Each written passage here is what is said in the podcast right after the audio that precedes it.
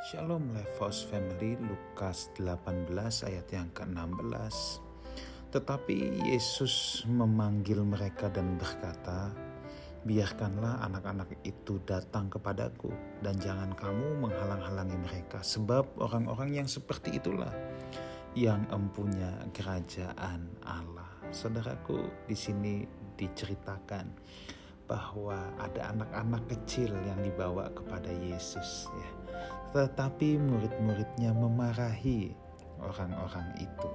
Mereka tidak senang rupanya ya kalau ada orang membawa anak-anak kecil datang kepada Yesus. Saudaraku, di sini murid-muridnya punya yang namanya eksklusivitas. Mereka merasa eksklusif, mereka merasa uh, Yesus ini hanya milik mereka ya. Yang lain tidak boleh. Saudara, hal yang pertama, kerajaan Allah itu inklusif Ya, kerajaan Allah hadir di muka bumi ini untuk semua orang. Jangan kita menjadi orang Kristen yang eksklusif. Kita tidak boleh menjadi orang Kristen yang eksklusif.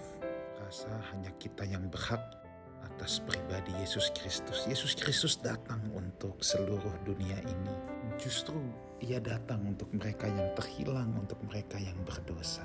Ya. Itu sebabnya yang pertama yang kita tanamkan kalau kita melihat orang-orang di luar Kristus, jangan kita menjadi eksklusif.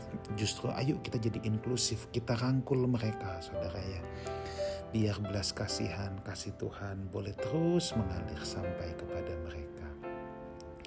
Lalu hal yang kedua, saudara ya, bahwa kita jangan menghalang-halangi kalau orang mau datang kepada Tuhan. Kita bisa menghalangi orang datang kepada Tuhan lewat hidup kita saudara ya. Hidup kita menjadi batu sandungan hidup kita yang nggak jadi berkat. Itu sering kali uh, menghalangi orang datang kepada Yesus.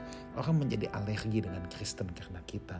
Orang jadi antipati dengan kekristenan karena sikap-sikap kita perkataan kita dan lain sebagainya. Itu sebabnya jangan menghalangi orang datang kepada Yesus ya menghalangi di sini sekali lagi bukan saudara nggak kasih dia ke gereja, bukan itu. Tetapi sering kali kita yang diharapkan membawa terang, justru kita sering kali membuat suasana menjadi gelap. Lalu yang ketiga yang terakhir, sebab orang-orang seperti itulah yang empunya kerajaan Allah. Justru seperti anak kecil. Seperti anak kecil di sini bukan memiliki sifat kekanak-kanakan ini dua hal yang berbeda saudara. Antara kekanak-kanakan ya atau menjadi seperti anak kecil.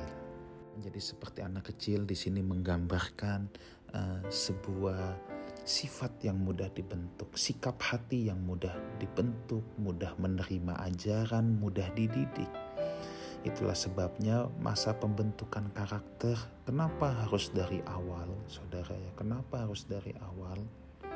Sebab memang ketika anak-anak masih kecil itu adalah masa yang terbaik, masa yang terbaik untuk kita meletakkan karakter-karakter dasar dalam hidup seseorang.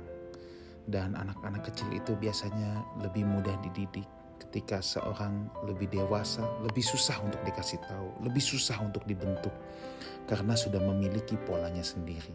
Nah, kalau masih anak-anak, orang tua yang bisa meletakkan pola-pola ke dalam pemikiran, ke dalam hati mereka. Itu sebabnya kalau dikatakan seperti anak kecil bukan berarti sifat kekanak-kanakan. Ya. Kalau dikatakan seperti anak kecil, itu berarti kita punya kelenturan hati untuk dibentuk, untuk dididik oleh Tuhan. Kiranya kita semua boleh memiliki hati seperti bejana tanah liat yang siap dibentuk oleh Sang Penjunan yang agung. Kiranya Tuhan Yesus menyertai kita semua. Amin.